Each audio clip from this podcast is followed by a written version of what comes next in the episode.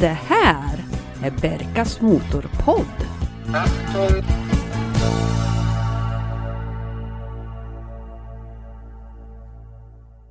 Varmt välkomna till dagens åttonde avsnitt av Berkas Motorpodd.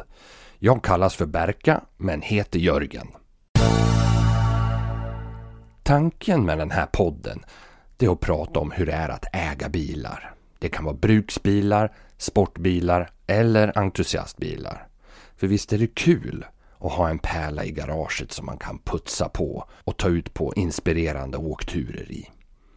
Prenumerera på podden så att du inte missar nästa avsnitt. Och vill du mejla mig så finns jag på berkasmotorpodd gmail.com eller sök upp oss på lite sådana här sociala plattformar som Facebook och Instagram och Vaxrulle och MD.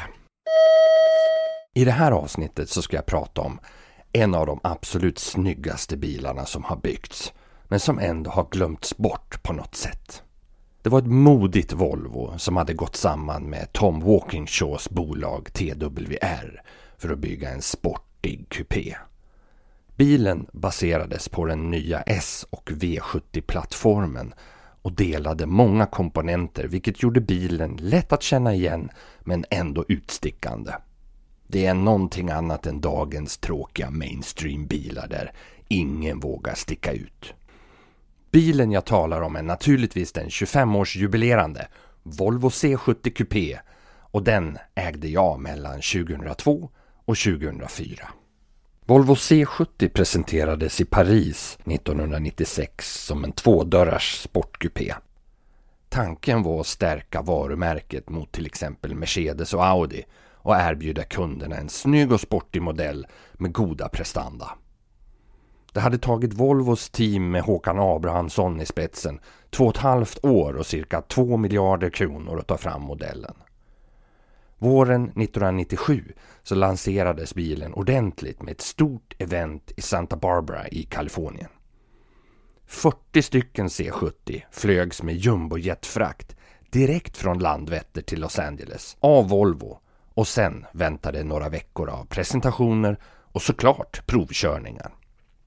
Mobiliseringen var enorm med fullt utrustade verkstadstält, reservdelar och tio mekaniker redo att lösa minsta eller största problem som skulle kunna uppstå med testbilarna. Under de här veckorna synades den nya kupén av 650 journalister från 47 länder. Det var den mest påkostade Volvo-eventet till dags dato. På min fråga till en av dem som var med i USA vad som sen hände med bilarna var svaret att de skrotades. Det skär i hjärtat att veta att så många bilar inte fick rulla vidare. Och varför ville jag ha en C70 då? Jo, det var efter att ha sett filmen Helgonet med Val Kilmer i huvudrollen som jag fick upp ögonen för den här vackra Volvo-kupén. Och likt sin förlaga på 60-talet där Roger Moore kört en P1800 så var det ju ett naturligt och smart val av Volvo att produktplacera nya C70 i en filmproduktion. Det var inte många sekunder den syns, men det räckte för att väcka habegäret hos mig i alla fall. För att få tag i en sån här Volvo C70 så var det nätsurfande som gällde för att leta. Och man kunde lätt hitta objekt utomlands. Fortfarande så var bilarna i Tyskland avsevärt billigare och på en Volvo-handlare i Frankfurt där fanns det en klarröd kupé med manuell låda, ljusbärs, nästan vit skinninredning. Stolarna de var elmanövrerade och den såg väldigt, väldigt smakfull ut. Årsmodellen den var 1998 och den hade det vajerstyrda gasspjället som inte krånglade så mycket som de senare elektriska. Frågan var bara hur jag skulle gå tillväga för att hämta hem den. Att åka ner till Tyskland lockade inte just då, så jag chansade vilt. Ett transportföretag kunde hämta den för 7000 kronor och leverera hem den till dörren. Så så fick det bli. Bilen skulle kosta 160 000 kronor.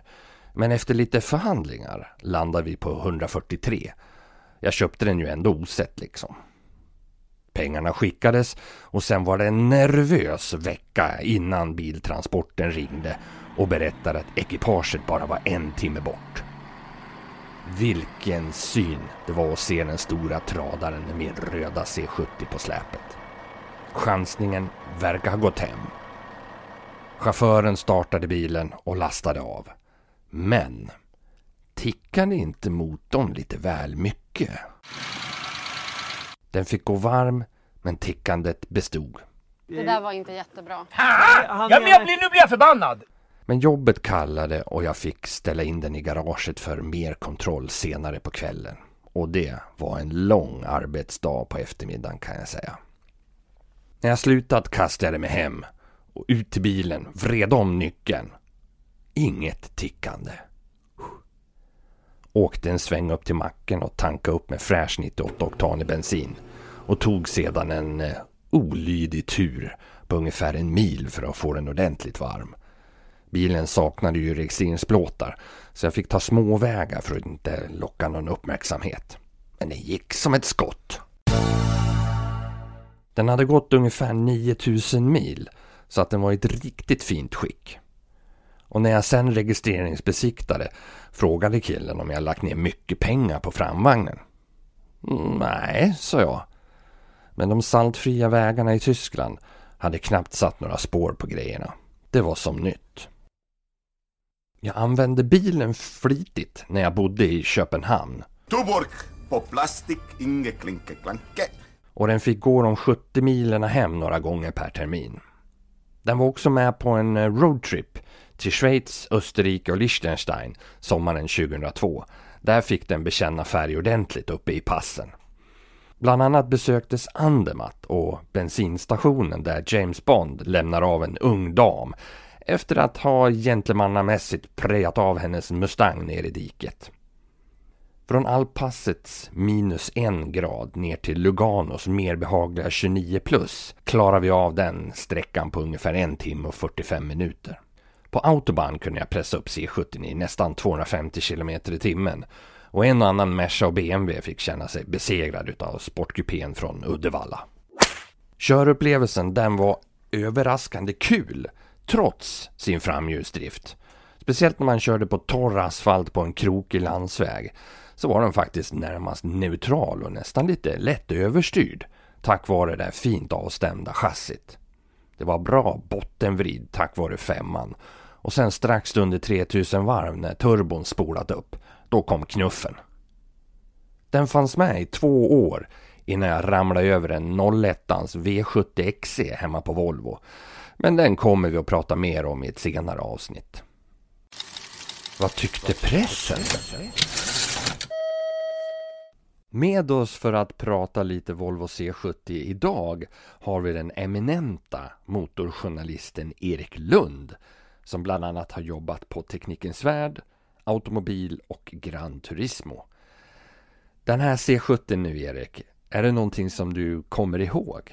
Ja, mycket väl. Jag var ju eh, hyfsat ung och projektanställd reporter på Teknikens Värld. Och eh, hade skrivit ett par biltester. Att skriva biltest på Teknikens värde var ju lite grann ett...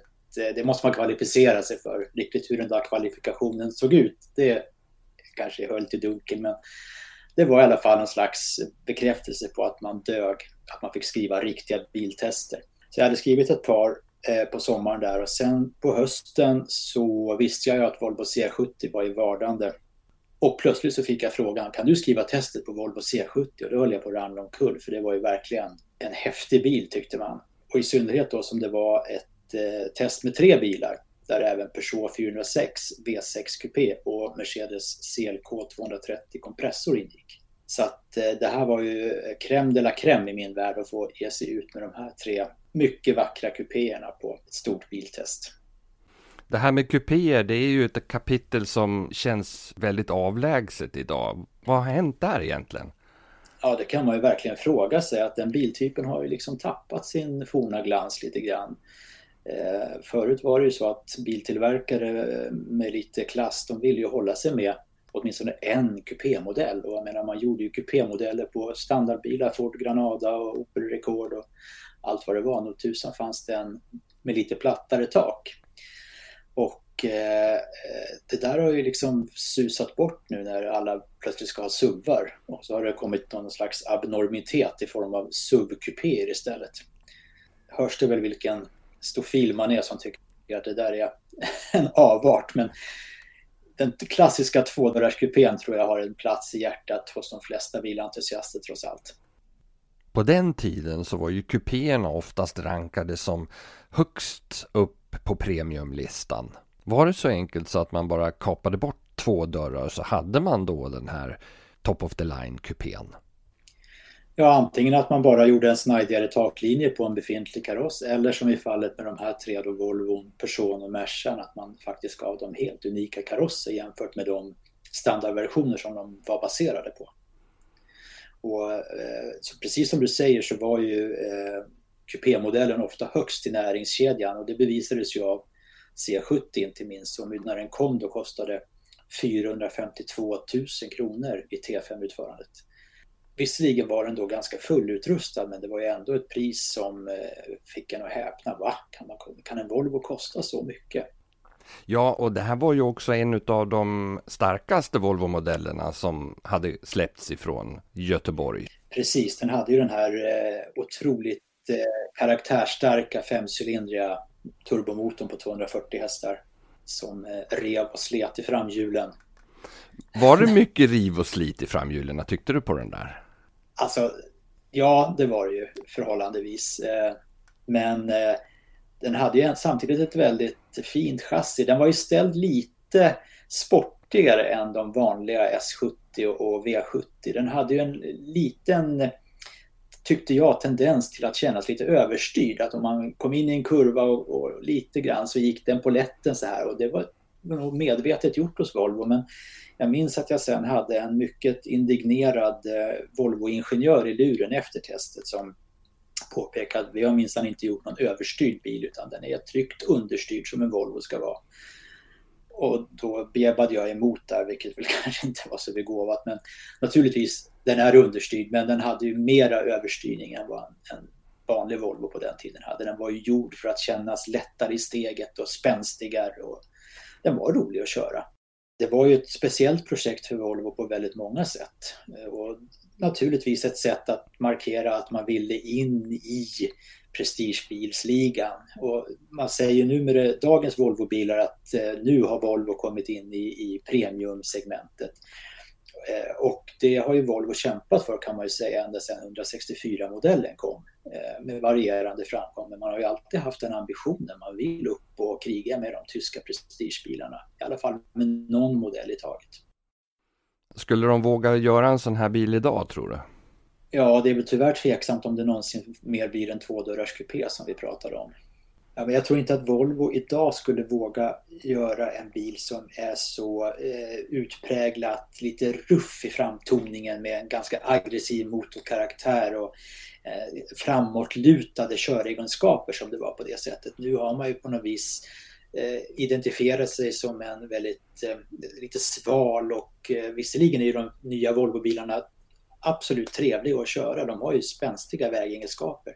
Men de uppmuntrar ju aldrig till att man tar ut svängarna egentligen. Utan det finns där om du pockar på det men du, du blir inte uppmuntrad till att ligga på på det sättet som den här gamla C17 gjorde på sin tid.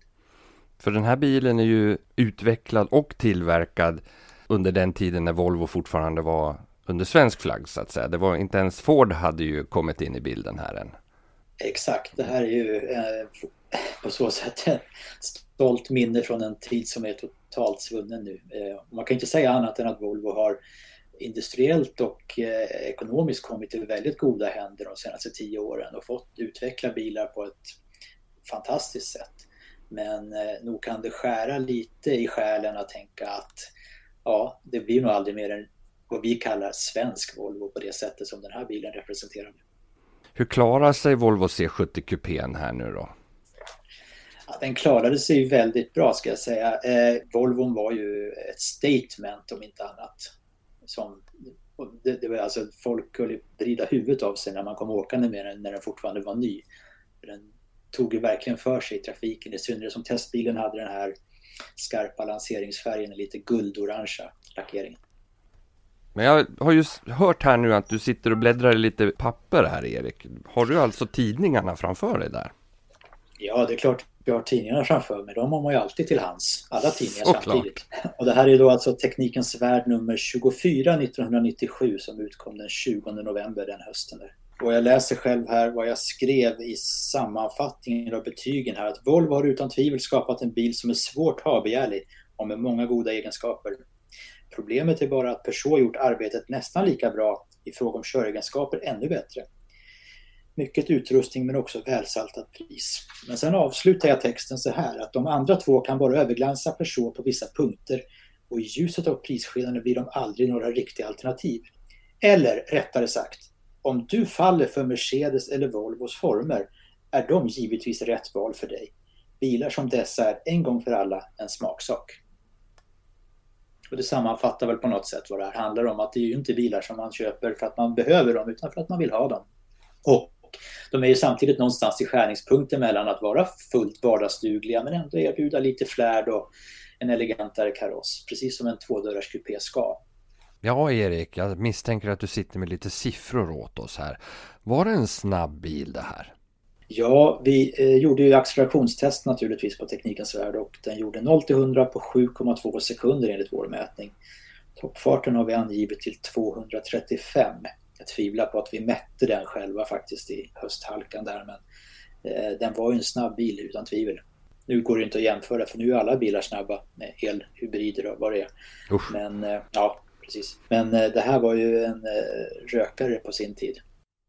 Va, vad tror du idag då? Skulle man köpa en Volvo C70 Coupé idag? Ja, utan tvivel säger jag. Det måste ju vara en bil som man ska fånga nu medan tid är. För jag har en känsla att de här kommer att sticka i pris vad det lider.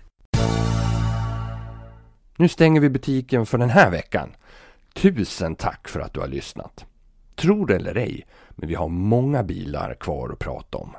Dessutom har vi ju del två av intervjun med Karl-Ingemar Perstad längre fram i serien. Vill du vara med och prata om din bil här hos oss? Hör av dig på berkasmotorpodd gmail.com. Vi hörs! Kör så ni trivs! Det här är Berkas Motorpodd.